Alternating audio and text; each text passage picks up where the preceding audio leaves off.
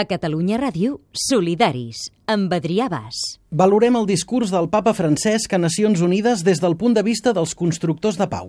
La historia de la comunidad organizada de los estados representada por las Naciones Unidas es una historia de importantes éxitos comunes. Todas estas realizaciones son luces que contrastan la oscuridad del desorden causado por las ambiciones descontroladas y los egoísmos colectivos. Now is the time to not just imagine, but do. This is for Aylan Kurdi and Galip Kurdi.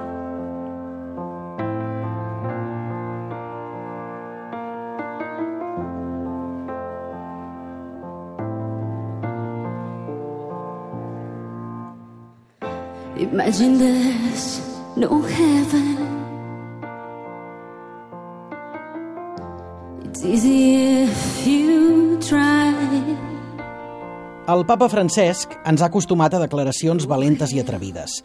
Aquesta setmana ha demanat l'abolició de la pena de mort davant del Congrés dels Estats Units i en sessió plenària ha repassat de dalt a baix les Nacions Unides perquè diu que són responsables de consentir les grans guerres i de permetre el poder de les finances per davant de les persones. I ha demanat el desarmament nuclear i una clara determinació per protegir el medi ambient i per acabar amb la pobresa extrema. Aplaudim el to directe i clar del papa, però veiem també quina serà la transcendència de les seves paraules. Un, com a líder espiritual de milions de persones arreu del món, i dos, com a un dels caps d'estat més influents d'Occident. Es quedarà aquí aquest discurs o precisament pel carisma d'aquest papa podrem veure algun canvi interessant? Hem demanat l'anàlisi a dos col·laboradors habituals dels Solidaris. En primer lloc, des del punt de vista dels constructors de pau, el president de Fundipau, Xavier Masllorens. Primer de tot cal dir que a Francesc li agrada definir-se com el bisbe de Roma, no tant com el cap d'estat tot i que l'Església tardarà i ell ja faig la primera valoració, no podrà canviar moltes coses de les que voldria perquè realment doncs, la rèmora és una rèmora de segles i segles i segles. Tot i això va fer un discurs a Nacions Unides que va ser molt clar perquè entenem que no només va fer el que fa en qualsevol pastor d'una església, que és denunciar la injustícia, sinó que va donar un pas més i va demanar la lluita per la dignitat humana. I aquest aspecte de juntar justícia i dignitat humana és el que el fa ser especialment valent i el que pot tenir repercussions de futur. No? I va parlar sobretot de tres temes. Van ser temes que els, el, el moviment per la pau hi està molt, molt, molt compromès i que pensem que hem guanyat un aliat.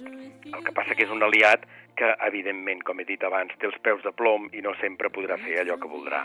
Va parlar en primer lloc de la guerra, no només va denunciar la guerra, sinó que va dir que és una de les causes del, de, que estem malmetent el planeta des del punt de vista de medi ambient, que a més a més és el que trenca amb tots els drets humans, i va donar un pas més encara i va parlar de l'erradicació de les armes nuclears que un món sense armes nuclears és possible i fins i tot va posar un exemple, l'acord que havien arribat als Estats Units i l'Iran des de fa poc.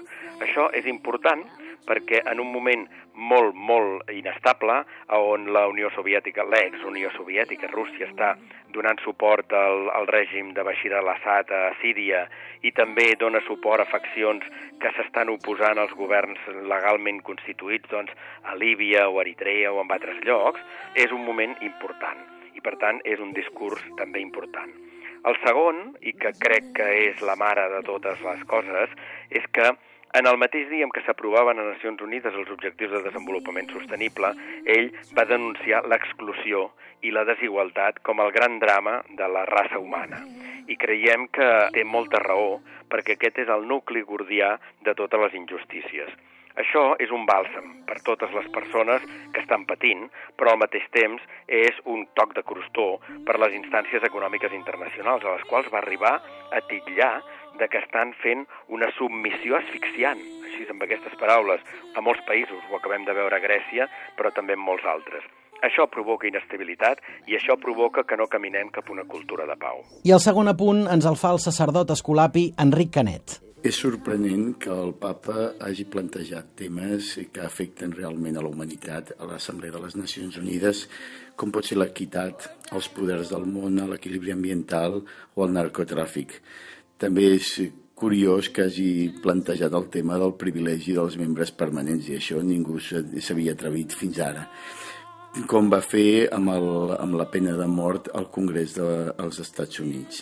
Són temes que realment preocupen i que afecten a la humanitat i que són realment propis també de la teologia de l'alliberament, encara que hi hagi gent que això li faci mal. Eh, seria interessant que aquest paper el papa el seguís fent, un paper eh, polític, un paper de plantejar un món diferent, però que ho faci no des del paper diplomàtic de cap d'un estat, sinó com a cap espiritual d'una colla de gent. Seria una manera de treballar. Això afectarà el, el món Bé, aquí ha de jugar també tots els, aquí, tots els jocs entre les nacions i veure com pot eh, anar jugant aquests jocs diplomàtics que també va jugant i el que cada grup, cada grup de catòlics pot anar jugant a l'interior de cada país. És interessant, doncs, que ens plantegem els grans problemes de la humanitat, els que afecten i que són els pecats del món, i a vegades ens deixem de plantejar com a grans problemes temes eh, que afecten a col·lectius molt petits i que eh, els, hem, els han de solucionar ells a la manera que ho necessiten. And the world will be as one.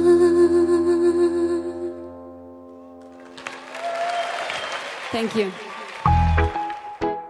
Les entrevistes, els reportatges, les seccions dels col·laboradors. Descarrega-te'ls a catradio.cat barra solidaris.